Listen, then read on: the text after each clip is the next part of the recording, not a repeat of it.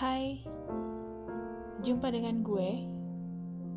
Panggil gue Madam. Ini adalah record pertama gue di podcast ini. Baper are welcome. Um, di sini adalah sarana bagi teman-teman untuk bercerita masalah apa aja yang bikin kalian baper. Kalian mungkin nggak tahu mau cerita ke mana, di sini tempatnya.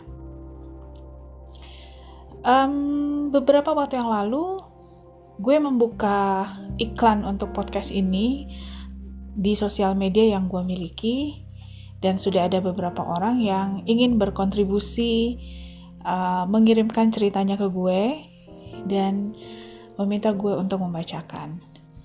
Oke, okay. jadi ini adalah cerita pertama dari sahabat gue, uh, gue akan menyamarkan namanya. Sahabat gue yang berinisial D. Um, D adalah seorang mahasiswa pada kala itu uh, di sebuah universitas swasta yang ada di, di Jakarta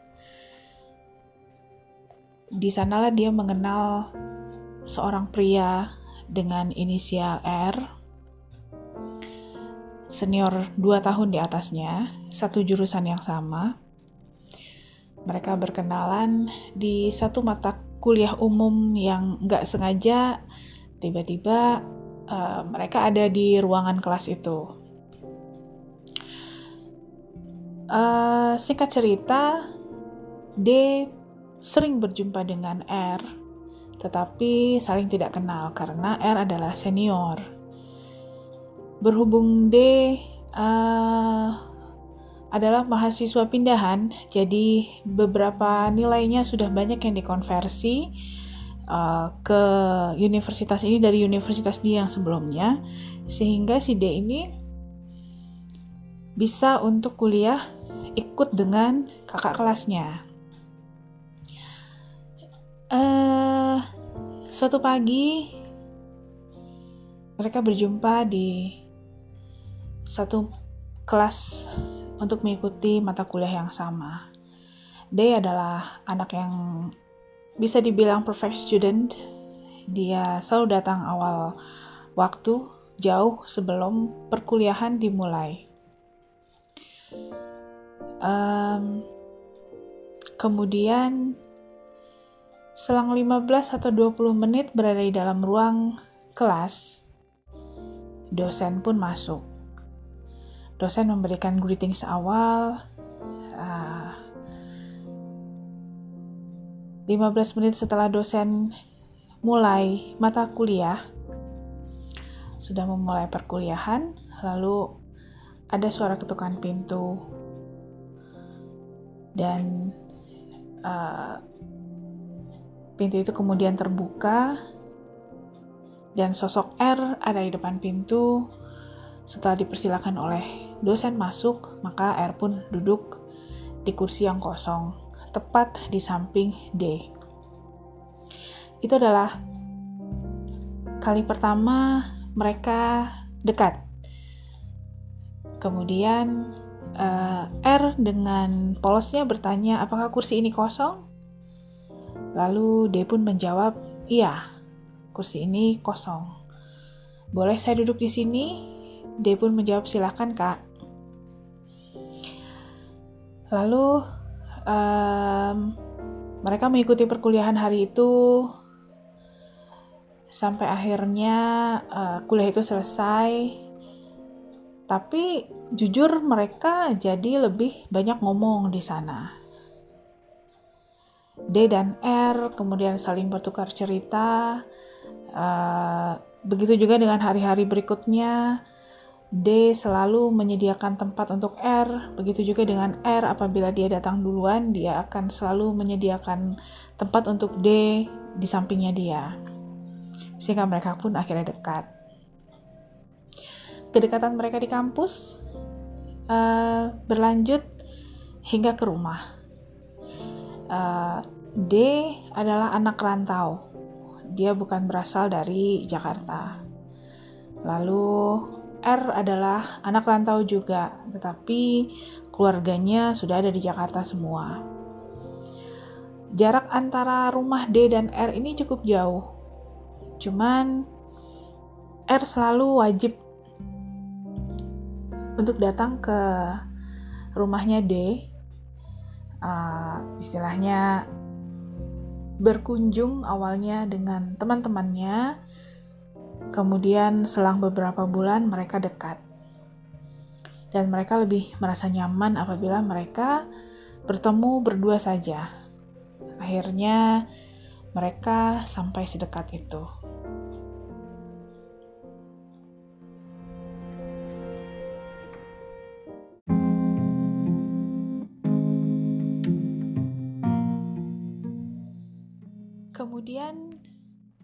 Waktu berlalu begitu cepat. Hingga satu tahun berikutnya, mereka semakin lengket, semakin dekat. Mereka sering menghabiskan waktu bersama, terutama di weekend.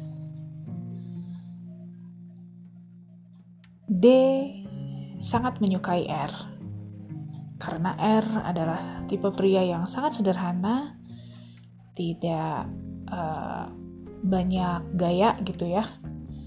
Terus katanya sih R ini pintar. Sementara D adalah uh, perempuan yang baik, yang agamis, kemudian uh, apa ya tidak terlalu menyukai kemewahan walaupun sebenarnya dia memiliki semua fasilitas yang ada dari kedua orang tuanya yang kebetulan adalah uh, orang yang berkecukupan bisa dibilang orang yang cukup kaya lah ya pada saat itu berbeda halnya dengan R yang berasal dari keluarga yang sederhana aja tapi Keduanya sangat dekat, kompak, dan cocok lah. Hingga suatu hari mereka memutuskan untuk, kenapa kita nggak jadian aja kak? Tanya D. R pun tersenyum, menjawab dengan ragu, namun hatinya senang karena pada akhirnya D uh, bertanya tentang kejelasan hubungan mereka yang sudah sangat lengket ini. Akhirnya, uh, mereka memutuskan untuk jadian.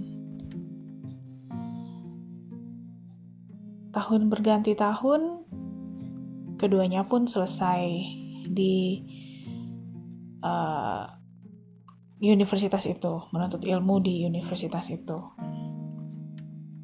keduanya selesai, kemudian wisuda, kemudian mereka uh, memilih untuk bekerja dulu. Namun uh, enam uh, bulan bekerja setelah lulus kuliah, D mendapatkan beasiswa untuk melanjutkan studi S2-nya di Australia. Sehingga dia dan R itu menjalani long distance relationship selama 2 tahun. Awalnya D uh, sedikit enggan untuk berangkat ke Australia karena dia sangat mencintai R. R pun uh, enggan untuk melepaskan D, cuman karena ini adalah demi masa depan D, maka mereka dua-duanya ikhlas untuk menjalani hubungan jarak jauh. Dengan komitmen, mereka akan menikah setelah D selesai uh, mengikuti perkuliahan atau lulus S2 gitu ya. Lalu mereka menjalani hubungan jarak jauh itu dengan uh, telepon uh, apa namanya message gitu ya yang apa aja hal yang bisa mereka lakukan dan kedua-duanya setia D tidak punya pacar di Australia dan R pun tidak menjalin, menjalin hubungan dengan wanita lain di Jakarta. Dua tahun berikutnya, D pulang, dijemput oleh R di bandara. Uh, itu adalah kali pertama D melihat R lagi setelah dua tahun berhubungan jarak jauh dengan pria itu. R terlihat lebih dewasa karena R juga sudah bekerja dan kebetulan saat itu R adalah supervisor di perusahaan itu. Uh, dia cukup mumpuni, memiliki gaji yang cukup besar, lumayan gitu ya. Uh, lalu mereka merencanakan untuk menikah. D pun mengajukan uh, permohonan itu kepada kedua orang tua mereka dan uh, kedua-duanya menyetujui aja sih. Tapi ada kendala pada saat itu R memiliki kakak perempuan yang belum menikah dan saat itu belum punya pacar karena R adalah uh, anak laki-laki satu-satunya. Dia adalah anak kedua dari tiga bersaudara uh, kakaknya yang pertama itu adalah perempuan dan dia waktu itu belum uh, punya pacar apalagi menikah gitu ya. Uh, sehingga mereka berdua harus uh, melakukan sebuah apa ya keharusan sih dalam keluarganya R karena dia adalah keluarga priayi kebetulan di daerahnya uh, mereka berdua datang ke kampung halamannya R, kampung halaman ibunya R, uh, meminta izin kepada kakek dan neneknya R untuk uh, merestui pernikahan mereka uh, dan meminta izin agar mereka bisa melangkahi si kakak perempuan. Setelah tiga hari, akhirnya keputusan dari kakek dan nenek R memperbolehkan mereka untuk menikah. Sekarang tinggal PR ke orang tua D. Orang tua D sangat senang begitu mendengar anaknya akan dilamar. Uh, mereka bersiap-siap dan mereka pun datang ke Jakarta untuk bertemu dengan R. Namun kali pertama R gagal berjumpa dengan orang tua D.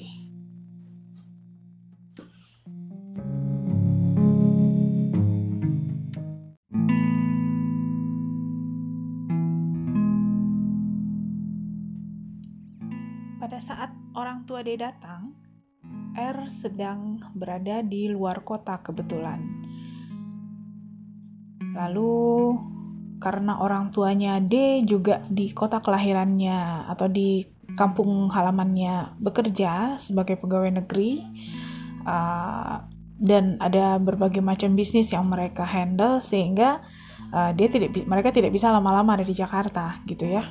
Jadi singkat cerita kali pertama R nggak bisa ketemu dengan keluarganya D.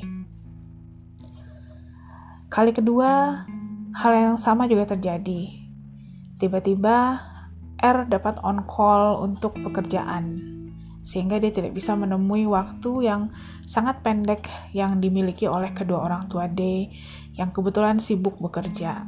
Jadi uh, mereka hanya datang, ya sebenarnya datang bukan khusus untuk menemui R sih pada saat itu.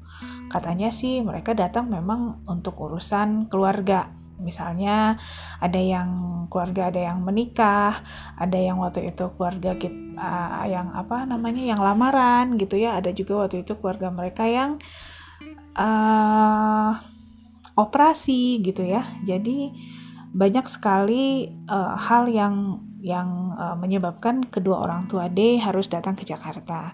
Bukan semata-mata ingin berjumpa dengan R saja gitu Cuman kan kata mereka sih alangkah baiknya apabila uh, momen itu pun dimanfaatkan untuk uh, memperjelas hubungan antara D dan R gitu ya. Lalu kejadian yang sama terjadi lagi untuk yang ketiga kalinya. Di situ D sudah pasrah. Kenapa? Setiap kali ingin berjumpa dengan keluarga, R selalu tidak bisa. Sebenarnya ada apa? Setelah orang tua D kembali ke kotanya, mereka tetap biasa ya, tidak ada yang salah dari D dan tidak ada yang salah dari R juga. R tetap datang men, uh, apa namanya mengunjungi D sepulang bekerja bawa uh, bahan-bahan masakan, kemudian mereka masak bareng gitu ya. Uh, cukup harmonis lah. Terus uh, mereka juga memegang norma-norma uh, yang baik ya sehingga mereka memang punya jam malam misal jam 9 malam D udah harus uh, R udah harus pulang dari rumah D mereka mematuhi itu kok. Mereka memang uh, sangat memikirkan dan sangat menjaga batas-batas hubungan yang baik gitu ya. Mereka nggak nggak kebablasan karena keduanya adalah eh, orang-orang uh, yang berasal dari keluarga yang uh, berpendidikan dan keluarga yang memiliki kekuatan uh, apa sih namanya ilmu agama yang cukup gitu. Nah, lalu uh, tahun berikutnya giliran R yang harus pergi ke luar negeri karena ada kontrak kerja selama dua tahun di sana dari perusahaan di uh, Jakarta yang bekerja sama dengan perusahaan yang di luar itu. Mereka tetap menjalin hubungan jarak jauh seperti waktu sebelumnya ketika D melanjutkan kuliah ke Australia. Lalu uh, dua tahun berikutnya pun R pulang dengan kondisi yang sama.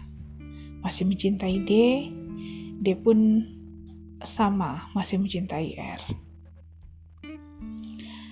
Hanya saja setelah itu uh, D tidak men, uh, tidak pernah lagi bertanya kepada R kapan ingin melamar karena sepertinya uh, D berpikir R belum siap untuk itu. Lalu suatu ketika D mengenal kembali teman lamanya ketika SMA. Mereka intens berhubungan. Um, dan ternyata si pria ini cukup membuat D kalang kabut ya. Karena dia adalah tipe pria yang tidak pernah main-main, tidak pengulur-ngulur waktu, dia terang-terangan bilang kalau uh, dia ingin uh, menjadikan D adalah istrinya gitu ya. Lalu iseng sih sebenarnya waktu itu katanya si D langsung menantang si pria ini untuk menjumpai orang tua D di kota mereka. Dan tanpa ragu si pria gentleman ini datang menemui orang tua D dan mengatakan kalau dia ingin uh, mencoba untuk ta'aruf dengan D.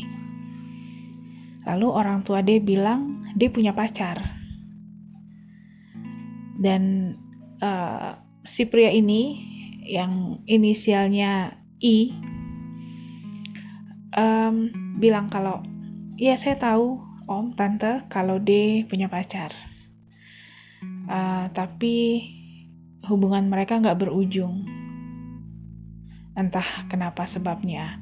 Karena jujur D juga menyatakan hal yang sama kepada I tentang R.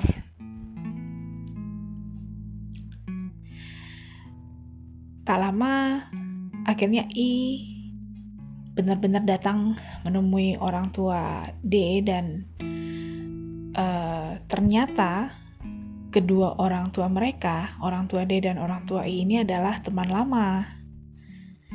Gitu ya. Jadi mereka sudah punya uh, hubungan friendship sebelumnya. Lalu uh, D tetap menjalani hubungan dengan R seperti biasa. Sampai suatu hari dia membuka uh, sebuah platform sosial media. Uh, tidak sengaja dia mengetik nama lengkap R di kolom search dan ternyata R memiliki dua buah akun di sosial media itu yang berbeda, tapi dengan orang yang sama. Di akun yang lama, yang ada D di dalam akun itu, yang berteman dengan D di dalam akun itu, dia terlihat seperti R yang asli, yang dia kenal sejak pertama kali mereka ketemu waktu itu. Namun di akun yang kedua, R adalah orang yang sangat berbeda. Dia adalah seorang uh, pria metroseksual, um, dan waktu itu dia sudah memakai, uh, katanya dia sudah memakai handphone BlackBerry. Uh, sementara D tidak diberitahu, padahal D juga uh, punya handphone tersebut gitu ya. Mereka nggak tukeran pin lah istilahnya gitu. Terus ya udah akhirnya D di situ berpikir bahwa selama 8 tahun R membohongi dia R bukanlah orang yang sebenar-benarnya yang dia kenal.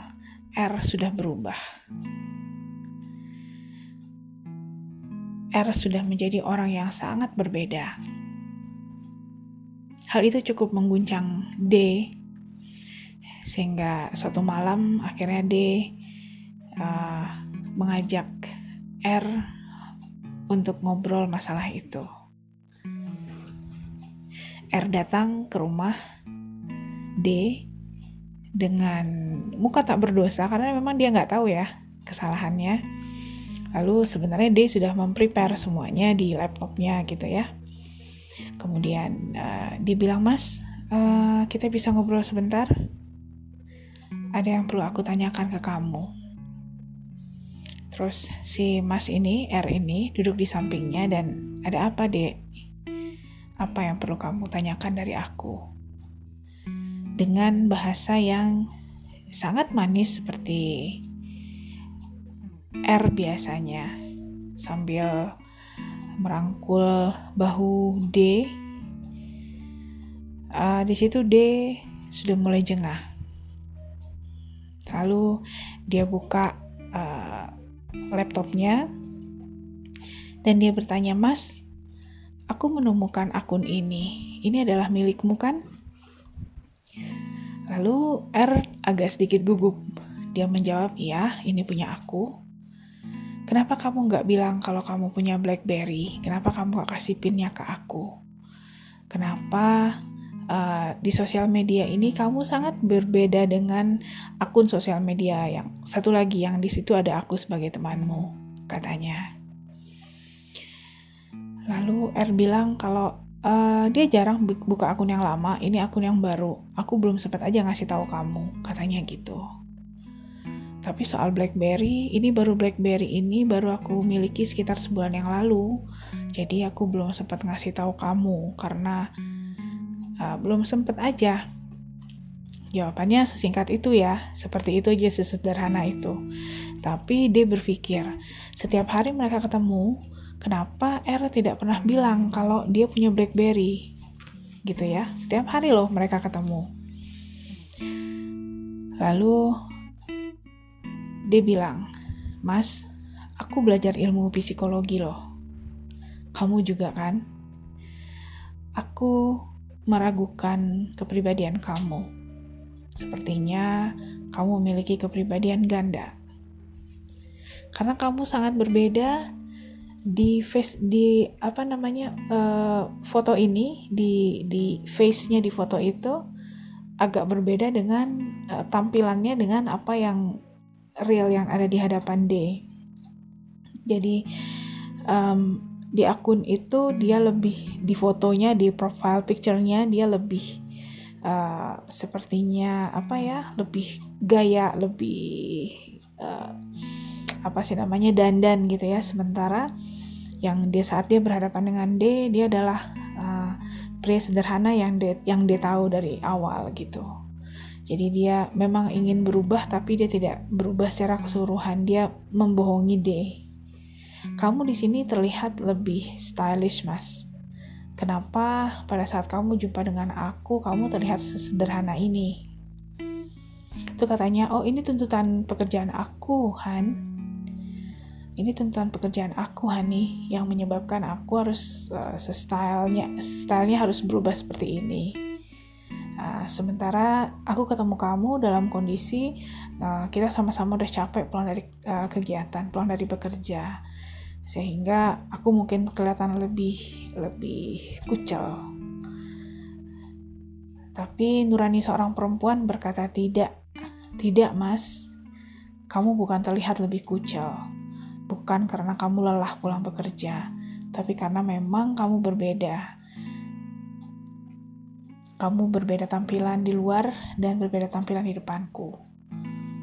Kalau aku menjadi istrimu, aku mungkin gak akan tahu gebrakan kamu yang ada di luar. Kata D seperti itu. Jadi mas, uh, sudah beberapa tahun kita selalu mencoba untuk uh, berjumpa dengan orang tuaku, kata D. Tapi kamu selalu tidak bisa. Karena selalu ada alasan yang menyebabkan kamu tidak bisa berjumpa dengan orang tuaku, ujar D. Lalu R pun menjawab bahwa uh, aku bukannya tidak mau ketemu dengan orang tuamu, tetapi pada saat orang tuamu datang, aku sedang bekerja.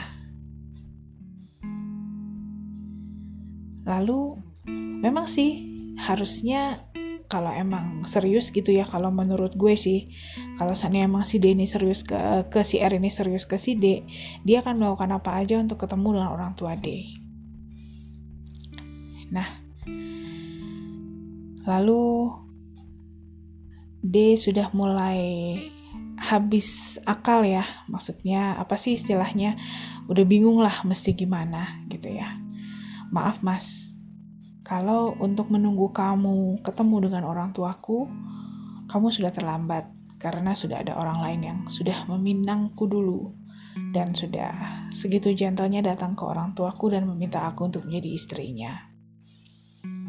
Yang aku butuhkan sekarang di usia menuju 30 tahun ini adalah uh, berjumpa dengan orang yang benar-benar serius ingin menikah denganku. Bukan hanya ingin bersama denganku karena dia sudah terlanjur nyaman. Di situ R terdiam.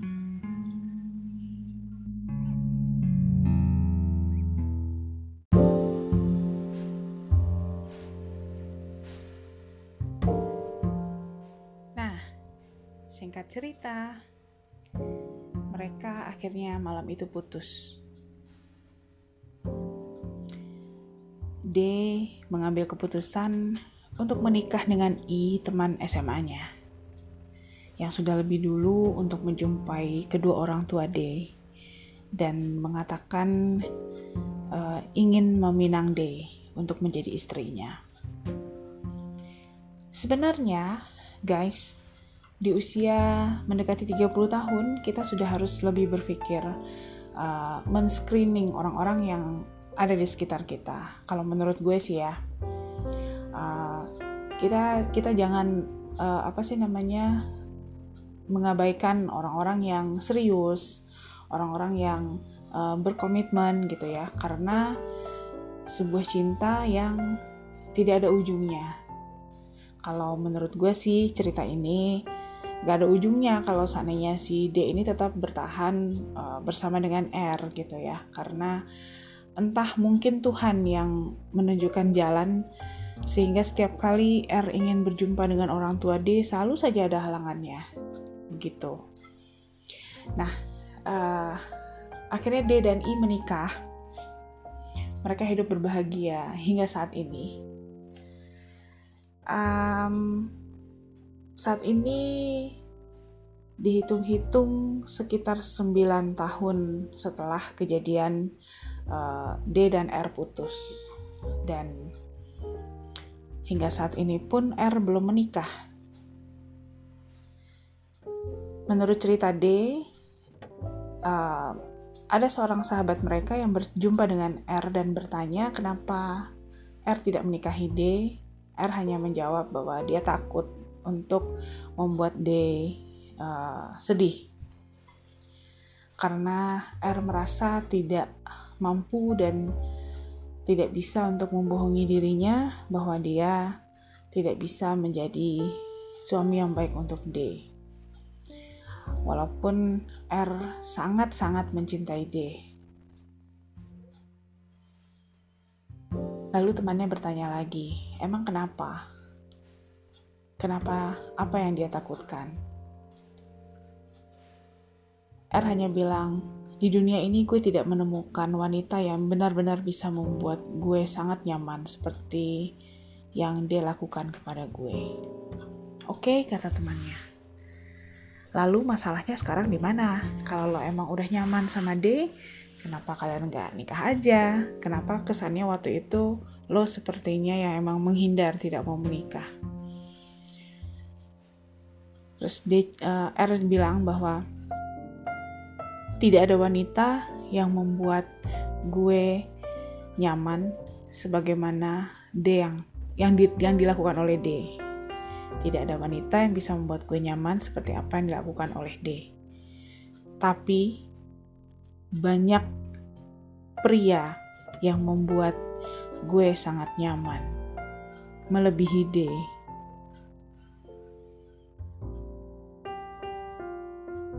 Oke, okay itu dia ceritanya. Speechless gue juga. Gue juga sangat speechless membaca cerita ini untuk pertama kalinya dan begitu mem membacakannya uh, apa untuk podcast itu juga uh, agak deg-degan ya pas di segmen terakhir gitu kan. Tapi inilah kenyataannya inilah kenyataan hidup inilah cerita dari salah satu temen yang uh, ikut berkontribusi uh, mengirimkan uh, story-nya untuk ngerame-ramein podcast ini. Apakah kalian juga ada yang mengalami hal yang sama? Boleh berbagi. Uh, atau mungkin ada dari kalian yang ingin bercerita tentang uh, masalah yang lain, percintaan kah? Atau masalah kalian dengan orang tua kah? Apa aja problem yang bikin kalian baper? Silakan cerita di podcast ini. Kalian boleh kirim cerita kalian ke email gue podcastbaper.id at gmail.com podcastbaper.id at gmail.com Semua disambung ya, podcast baper titik id at gmail.com Atau kalau kalian mau ngirim voice note juga boleh, nanti voice note-nya akan uh, gue import ke podcast uh, boleh di situ kalian kirimkan ke alamat WA gue ke nomor WA gue 0821 1174 8948 0821 1174 8948 uh, rekam yang bagus suaranya uh, jauhkan dari noise maksudnya dari apa gangguan-gangguan uh, suara luar gitu ya. Nah uh, nanti akan gue tayangkan di podcast ini.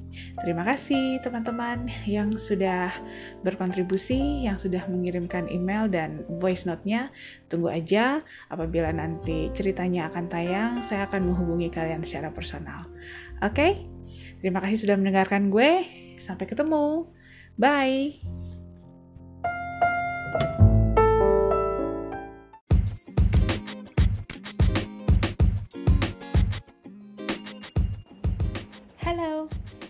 Ingin berkarya dengan podcast? Ah, caranya gampang banget. Kamu hanya perlu download aplikasi Anchor.fm di Play Store ataupun Apple Store. Dan kemudian kamu bisa loh merekam podcastmu sendiri, mengeditnya, sehingga itu bisa menghasilkan rekaman-rekaman yang bagus banget, layaknya profesional. Dan otomatis dari Anchor.fm, podcastmu juga akan tayang di semua platform-platform podcast yang ada seperti Google Podcast atau Spotify. So, gak ada lagi ya alasan untuk nggak berkreasi. Anchor.fm, solusi kamu punya podcast sendiri.